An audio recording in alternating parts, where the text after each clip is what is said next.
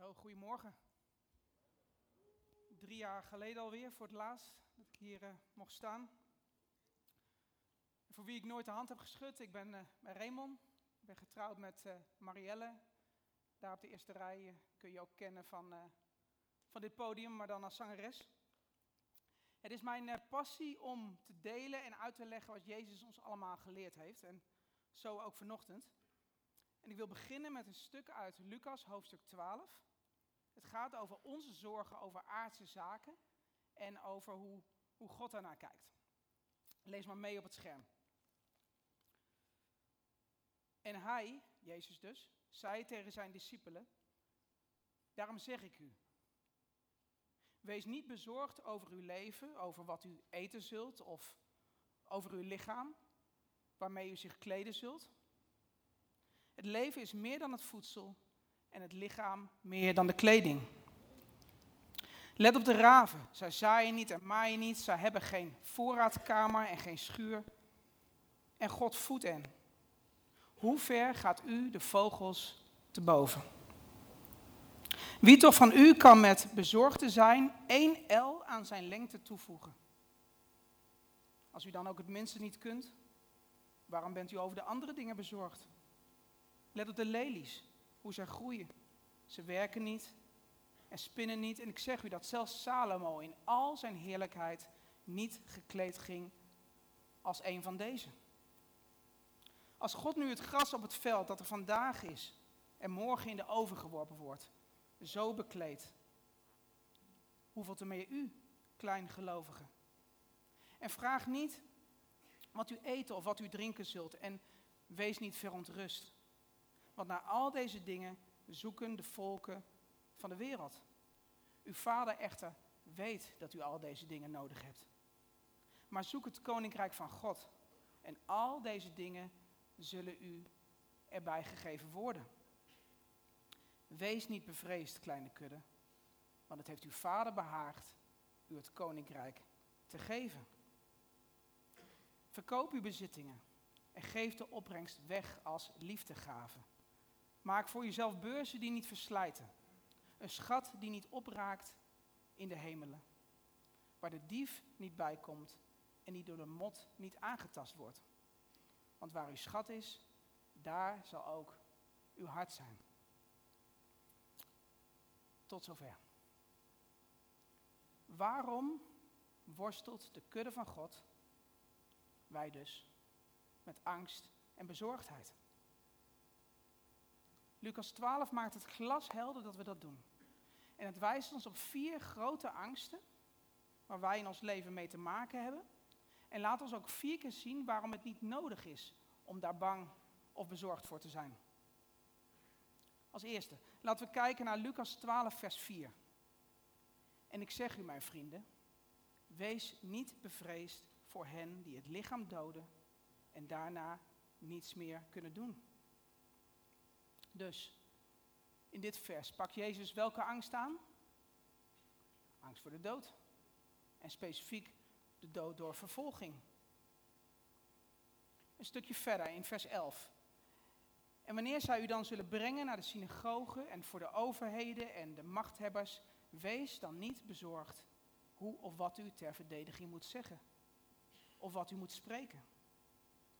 Dus hij zegt, dat we de neiging hebben om bang of bezorgd te zijn voor wat? Publieke afkeuring. Niet weten wat we moeten zeggen als het erop aankomt. Beschaamd zijn over wat we dan zullen zeggen. Dan de derde, vers 22.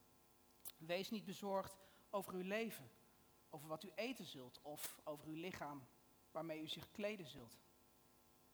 Dus wat zegt hij hier tegen ons over waar we mee worstelen? Fysieke behoeften van het leven. Eten, kleding, onderdak misschien ook, medische behoeften. Bang zijn dat er niet voorzien zal worden in jouw basisbehoeften. Het hele hoofdstuk gaat over angst en bezorgdheid en hoe het te overwinnen. Want het punt is, hij wil niet dat wij die angst hebben. Hij wil dat wij ze overwinnen. Wat betreft de eerste angst die ik noemde, de angst voor de dood. Jezus zegt, de dood is niet het ergste. De hel is het ergste. En God zal jou uit de hel weghouden. Want zelfs de haren op je hoofd zijn allen geteld, zegt hij. Een paar versen later in vers 7. Hij bedoelt daarmee dat wij met een zeer gedetailleerde tederheid behandeld worden. Zelfs de haren op ons hoofd, ik weet het. Ik weet het, iedereen denkt nu, bij, bij jou niet, bij mij ook. Zelfs de haren op je hoofd zijn allen geteld. En met betrekking tot de tweede angst, over publieke afkeuring, zegt hij: De Heilige Geest zal je leren wat je moet zeggen op het moment dat je publiekelijk getest wordt. Je hoeft niet bang te zijn. Je zult niet in de steek gelaten worden. En je zult niet met je mond vol tanden staan. En met betrekking tot de derde angst of bezorgdheid, of er wel voorzien wordt in jouw basisbehoeften. De Vader kent onze dagelijkse behoeften en hij is veel meer bezig met het voorzien in, in jouw behoeften dan dat hij bezig is met het voorzien in de behoeften van de raven en de lelies. En, zegt hij in de tekst die we net gelezen hebben, kijk hoe hij zelfs voor hen zorgt. Dus Jezus probeert te zeggen, geen angst voor de dood. Geen angst voor publiekelijk verschut staan. Geen angst voor armoede of niet voorziene behoeften. Maar er is één soort angst die we nog niet genoemd hebben. Ik zou er immers vier noemen. En die angst is meer fundamenteel, meer doordringend. Een angst die, die voorkomt dat je in beweging komt. En die is lastiger dan de drie voorgaande angsten. En het wordt genoemd in vers 32 en, en wellicht dat de Heer het voor het laatst bewaard heeft in dit hoofdstuk, omdat het ten grondslag ligt aan alle andere angsten. Het is Lucas 12, vers 32. Staat als goed is op het scherm. Wees niet bevreesd, kleine kudde, want het heeft uw vader behaagd u het koninkrijk te geven. Nou, welke angst probeert Jezus in dit vers te elimineren? Ik denk dat hij probeert om de angst weg te nemen dat God het soort God is die het niet leuk vindt om goed voor ons te zijn. Hij probeert de neiging van die mensen aan te pakken die geneigd zijn te denken dat God buiten zijn karakter handelt als hij goede dingen voor ons doet. Mensen die in de kern geneigd zijn te denken dat God altijd boos is. Die ten diepste het idee hebben dat waar God werkelijk gek op is, is mensen oordelen. Mensen te grazen nemen. Ken je dit? Heb je zo'n diep gewortelde angst in je leven? Hoe help je mensen wiens beeld van God is dat zelfs als hij iets goeds doet, dat hij dan eigenlijk buiten zijn karakter handelt, dat hij dus niet echt goed is? Denk eens aan dat moment dat Jezus Jeruzalem binnenrijdt. Volgens mij vieren we dat met, met Palmpasen. Dan komt hij Jeruzalem binnen en, en waar rijdt hij dan op? Op een hengst? Met een zwaard in zijn hand? Nee, op een ezel. En Matthäus, die over deze gebeurtenis schrijft, maakt het heel duidelijk waarom hij een ezel koos. Want staat er, hij komt tot u nederig, zachtmoedig. Er is eigenlijk één grote gelijkenis in de praktijk. Een van dienstbaarheid. Het is een manier om te zeggen, ik ben gekomen om te dienen. En toch denk ik dat er onder ons mensen zijn die daarnaar kijken en dan denken dat het eigenlijk één grote camouflage is. Dat hij, zodra Jeruzalem binnenkomt en van zijn ezel afstapt, zijn zwaard pakt en dat gaat doen wat hij echt graag wil doen, fariseeën te grazen nemen. Ik vraag me af hoeveel hier vanochtend denken dat God het soort God is die ten diepste altijd boos is. Onder al het andere. Altijd geërgerd over ons. Altijd ontevreden. Nou, deze morgen leidt Jezus pijn. En ik zeg het bewust zo. Met pijn in zijn hart wil hij ons in Lucas 12, vers 32 bevrijden van die kijk op God. Van dat beeld van hem. Een beeld van God die ons zijn goedheid misgunt. Die buiten zijn karakter handelt wanneer hij goed doet. En die boos is. Altijd boos, geïrriteerd. Lucas 12, vers 32 gaat over de aard van God. Het gaat over wat God graag doet. Niet over wat hij zal doen of wat hij zou moeten doen. Nee, over wat hij graag doet, waar hij van houdt, wat hem plezier geeft. Ik wil dit vers vanochtend zo uitpersen dat je als het ware met je hart zult proeven wat Jezus hier tegen jou wil zeggen. En ik denk dat het revolutionair is wat hij hier wil zeggen. Ik heb de tekst opgeknipt in zes stukjes, die ik daarna met jullie wil gaan bespreken.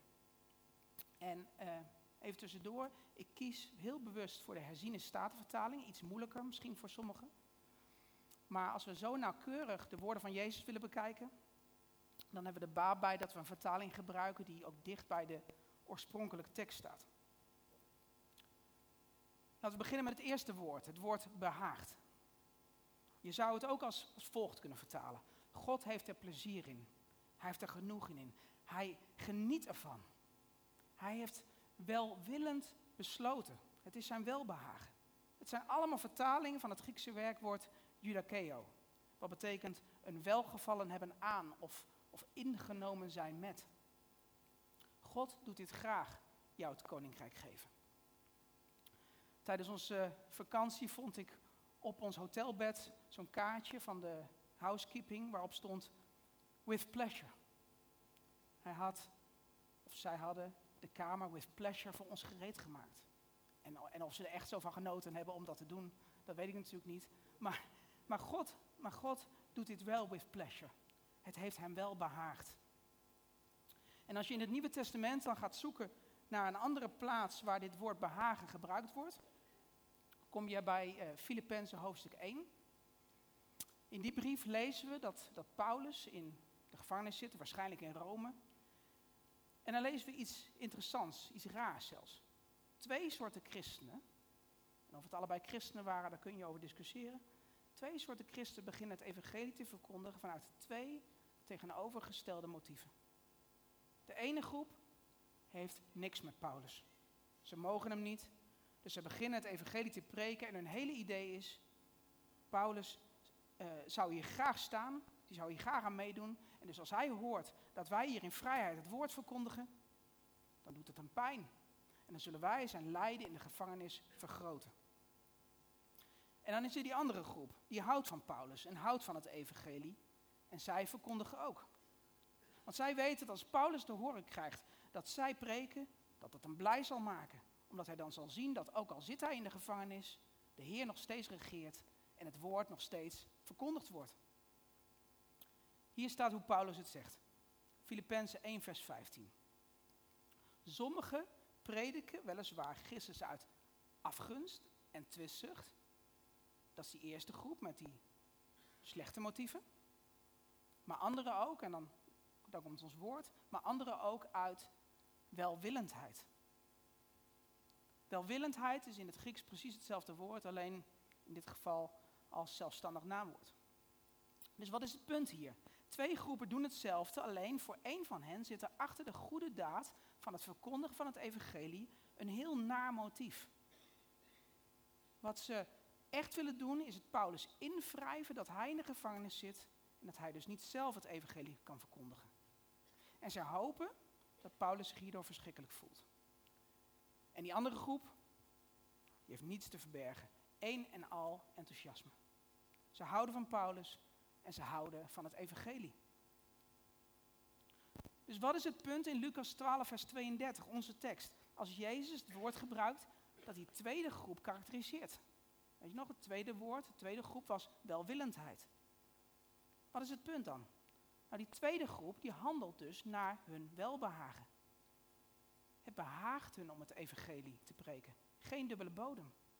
En dat is ook het hart van God in onze tekst. Als God iets goeds doet voor jou, als Hij jou iets belooft, als Hij tegen jou zegt, ik geef jou het koninkrijk, dan is Hij niet als die eerste groep predikers die zegt, in werkelijkheid heb ik een hele andere bedoeling.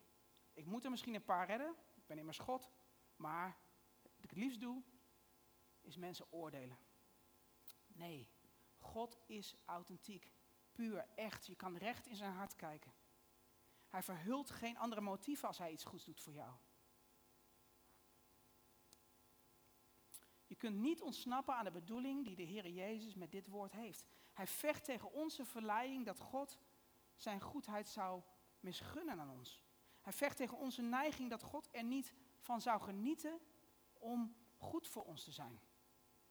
Dat het iets onder dwang is dat Hij goed voor ons is Zo van, ik moet wel, want ik ben God, maar ik doe het niet met plezier. Ik zou liever oordelen. Jezus is tegen dat beeld van God. En hij werkt in dit vers met alle woorden die hij kan vinden om dat te overwinnen. Wees niet bevreesd, kleine kudde, want het heeft uw vader behaagd u het koninkrijk te geven.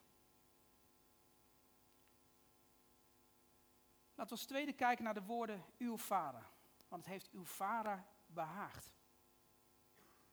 Jezus zegt niet, het heeft jouw baas behaagd om jou je salaris te geven. Hij zegt ook niet alsof je een slaaf zou zijn, het heeft jouw meester behaagd om jou een eigen huisje op de plantage te geven. En hij zegt zelfs niet, het heeft jouw koning behaagd om jou het koninkrijk te geven. Nee, hij zoekt naar een woord waarmee hij kan bereiken wat hij wil bereiken in jouw hart. Daarom zegt hij, het heeft jouw vader behaagd om jou het koninkrijk te geven. Hij heeft het beste met je voor. Maar dan, het probleem is, velen van ons hebben niet zo'n vader gehad in onze jeugd. Voor sommigen geldt dat hun aardse vader als het ware geposeerd heeft voor dat verkeerde beeld van God, waar ze nu zo mee opgescheept zitten. Ook mijn vrouw kan daarover meepraten, wat een aardse vader allemaal kapot kan maken. En hoe dat op latere leeftijd een relatie met God de Vader ja, menselijke wijs onmogelijk maakt. Maar ook als je wel een goede vader hebt gehad, dan nog moet je ontdekken wat God bedoelt met zijn vaderschap. In alles wat we daar wellicht over zouden kunnen zeggen vanochtend, wil ik me beperken tot twee dingen. Allereerst, als de koning jouw vader is, dan ben jij een erfgenaam van het koninkrijk. Toch? Nou, wat betekent dat? Dat betekent dat er iets natuurlijks is aan het erven van het koninkrijk.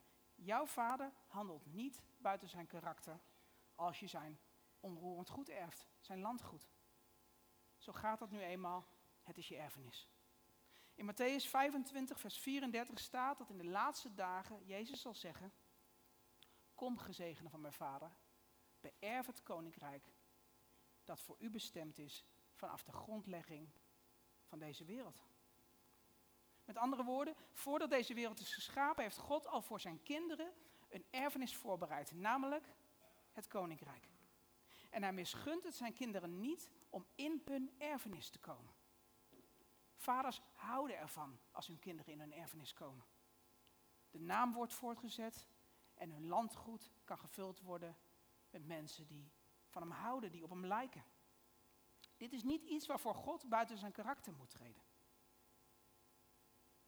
Ten tweede, als de koning onze vader is, dan hoeven wij geen belasting te betalen. Iedereen is weer wakker. Ten meer omdat ik bij de Belastingdienst werk, normaal gesproken. Dus ik weet niet wat mijn werkgever hiervan vindt. Maar het is waar en ik zal het uitleggen. Als de koning onze vader is, dan hoeven wij geen belasting te betalen. Ik zal uitleggen op welke tekst ik dat baseer. Ehm, ken je het verhaal in Matthäus 17, waar twee mensen naar Petrus toekomen om ehm, de tempelbelasting te innen? Ze vragen hem, betaalt uw meester de twee drachmen niet? En Petrus zegt, jawel.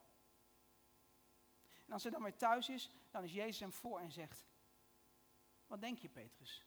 De koningen van de aarde, van wie ontvangen zij tol of belasting? Van hun zonen of van vreemden? Petrus antwoordt dan, van vreemden. En Jezus zegt, juist, juist. Dan zijn de zonen dus vrijgesteld. God is koning en de koning heeft geen belastingen bij zijn kinderen. Buiten de muren van het paleis, waar rebellie is tegen de koning, daar wel. Daar voelen ze het gewicht van de wet. Maar hier binnen het paleis is het allemaal vreugde en liefde en vrede en harmonie. God heeft geen belastingen bij zijn kinderen. Jezus zegt, als u die slecht bent, en dat zegt hij tegen ons, als u die slecht bent, uw kinderen dus goede gaven weet te geven, hoeveel te meer zal de hemelse Vader dan vul ik even een woord in, het koninkrijk geven aan hen die tot hem bidden. Wees niet bevreesd, kleine kudde, want heeft uw vader behaagd u het koninkrijk te geven. Kun je hem al meezeggen eigenlijk, dit vers? Wat is het doen met elkaar? Wees niet.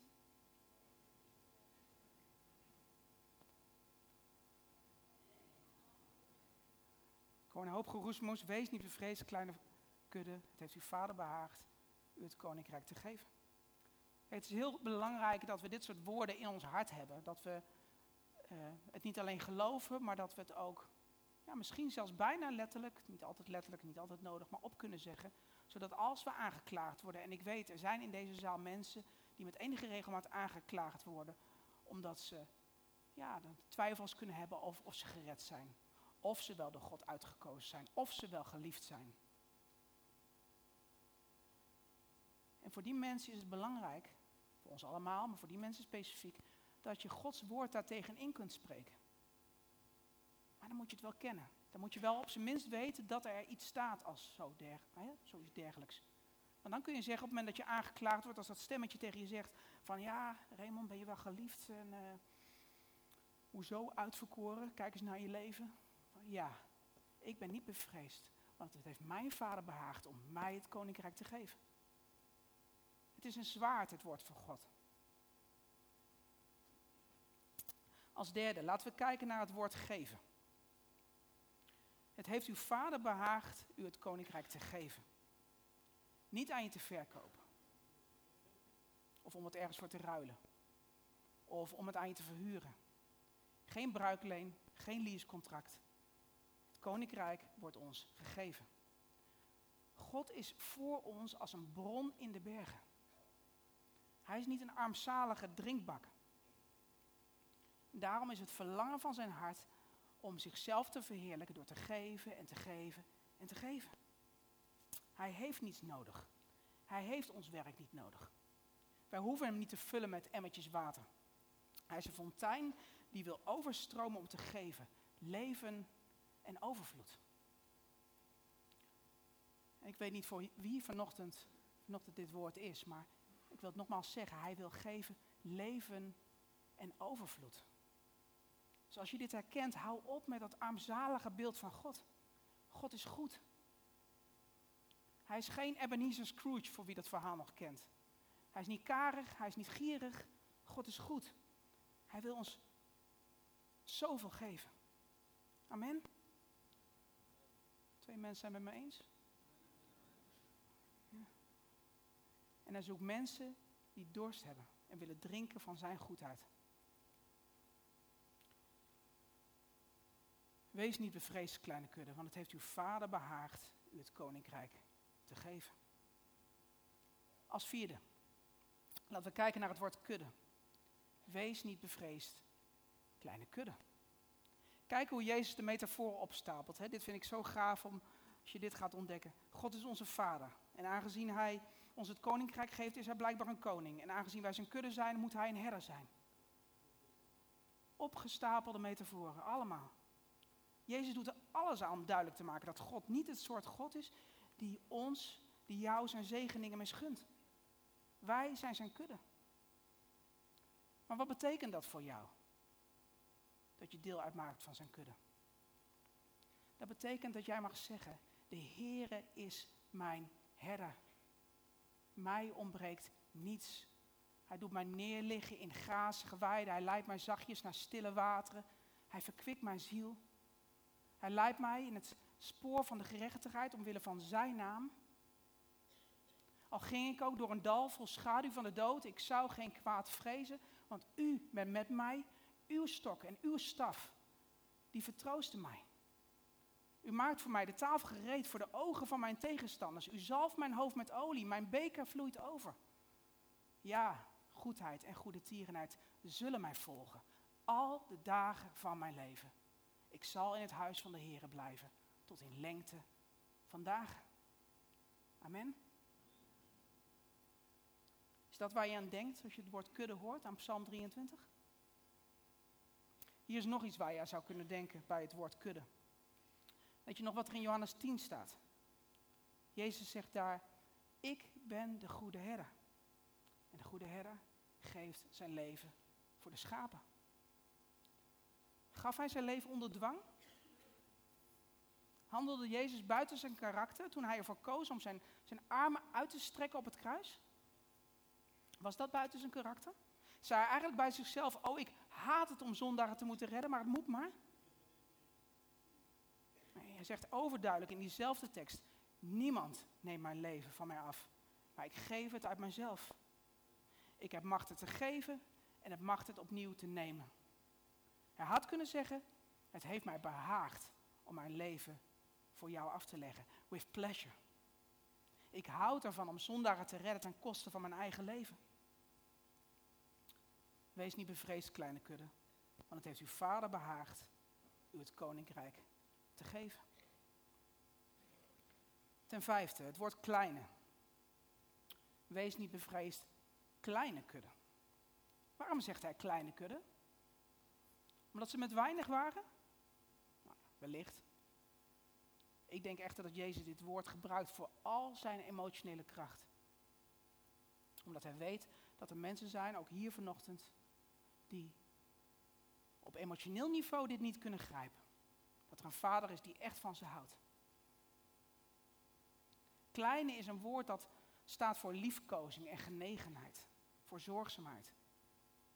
Als je misschien tegen je kind, als je dat als je kinderen hebt, zegt kleintje, ja, dan heb je het niet per se over de lichaamsomvang, toch? Als ik uh, dat thuis tegen onze, onze kat zeg, we houden gewoon heel erg van onze kat. Oké? Mag dat? Hier?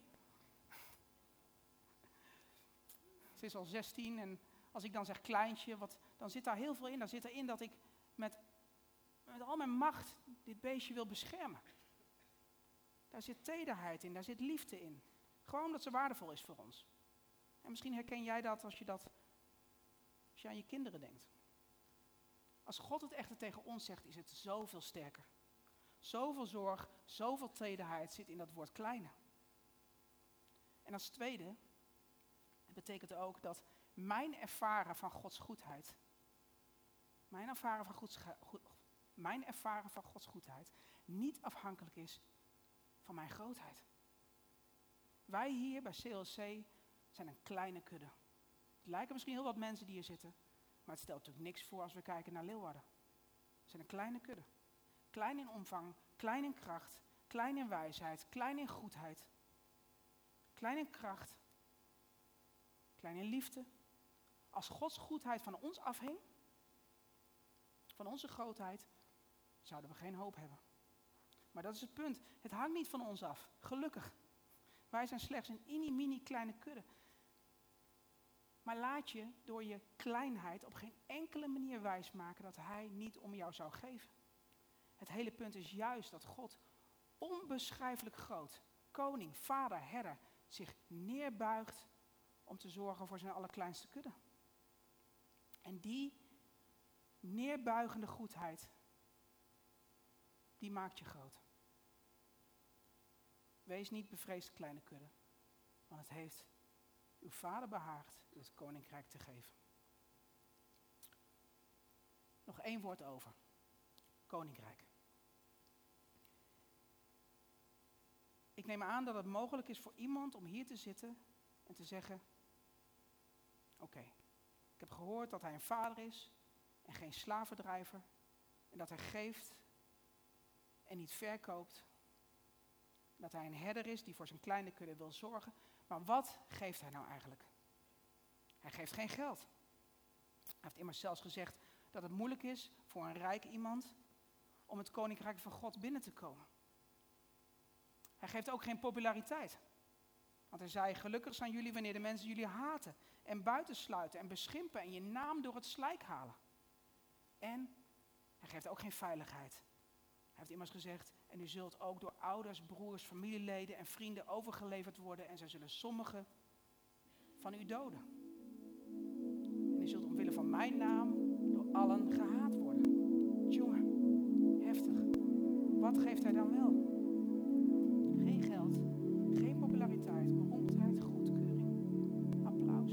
Waar we soms zo naar verlangen?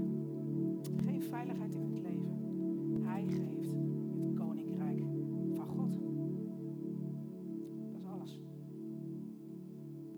Of dat is alles. Er is niets wat er bovenuit gaat. Het koninkrijk van God. Het rijk waar onze Jezus regeert als koning. Waar Gods autoriteit oppermachtig is. Koninkrijk dat nu al bestaat, gedeeltelijk in de harten en levens van iedereen die gered is. En een koninkrijk dat in de toekomst zal bestaan. In perfectie en volheid. En wij, de kinderen van God, mogen daar binnen gaan. Hoe geweldig is dat? Het zal geen dood meer zijn, geen rouw, geen verdriet. God zelf zal alle tranen van onze ogen afwissen. Is de hemel, het is het eeuwige leven. Er zal geen angst meer zijn, geen zorgen. Alle dingen zal Hij nieuw maken. En dit krijgen wij aangeboden. Gratis. Met Gods hartslag erin. Laat Hij niet zien dat Hij niet alleen graag wil geven, maar ook groots wil geven. Je kan vanochtend echt niet iets bedenken dat groter is dan het koninkrijk van God hoor. Wordt ons gewoon gegeven. Het is zoals geschreven staat wat geen oog heeft gezien en geen oor heeft gehoord en in geen mensenhart is opgekomen. Dat is wat God bereid heeft voor hen die hem lief hebben. En het is het genoegen van de Vader om het als een kleine kudde aan jou te geven. En als jij weet van jezelf dat je gelooft dat Jezus Christus voor jou persoonlijk aan het kruis van Golgotha is gestorven. En als jij gelooft dat hij drie dagen later is opgestaan uit de dood en nu aan de rechterhand van de Vader zit om voor jou te pleiten. Als je dat gelooft, dan zegt Jezus tegen jou, en ik beschik jou het koninkrijk. Zoals mijn Vader dat aan mij beschikt heeft. Opdat jij eet en drinkt aan mijn tafel in mijn koninkrijk. Wat een belofte.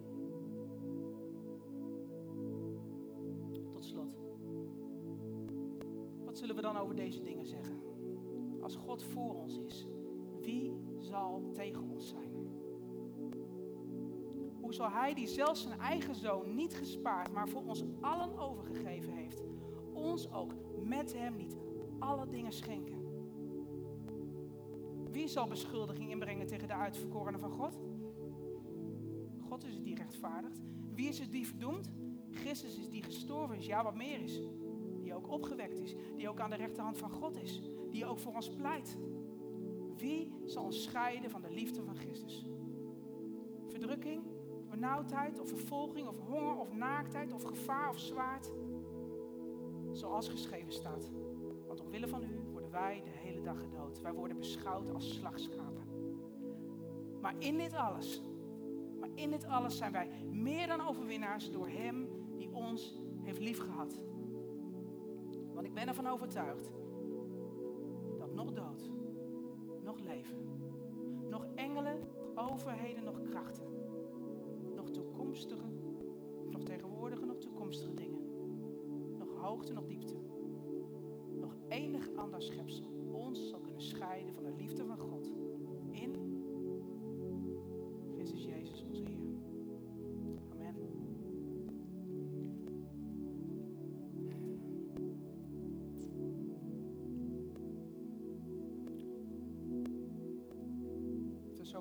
en dan, wil ik eh, voorstellen om na het gebed een lied te zingen, wat jullie bekend voorkomt, Good Good Father. En ik, eh, ja, ik hoop dat als de woorden van God, de liefdevolle woorden van God, je dan nog niet ten volle hebben geraakt, dat het lied het dan zal afmaken,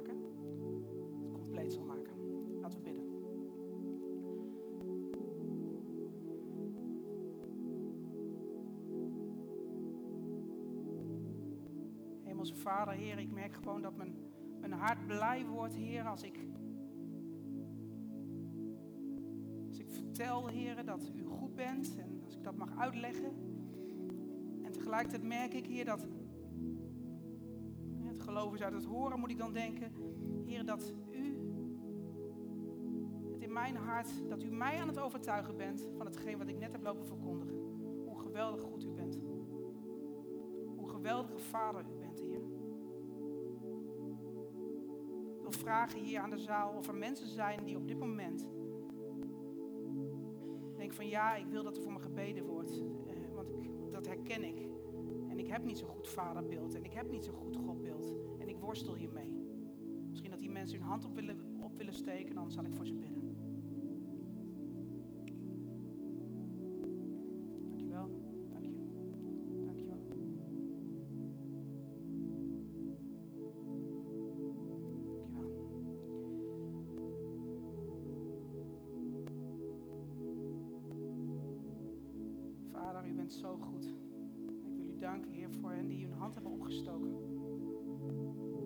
Laten zien eigenlijk aan u dat ze behoefte hebben aan zo'n goede vader. Dat ze u nodig hebben. Ik bid u en ik dank u, want ik net heb verteld hoe goed u bent, dan geloof ik dat u naar hen toe wil komen, dat u hen de hand wil reiken.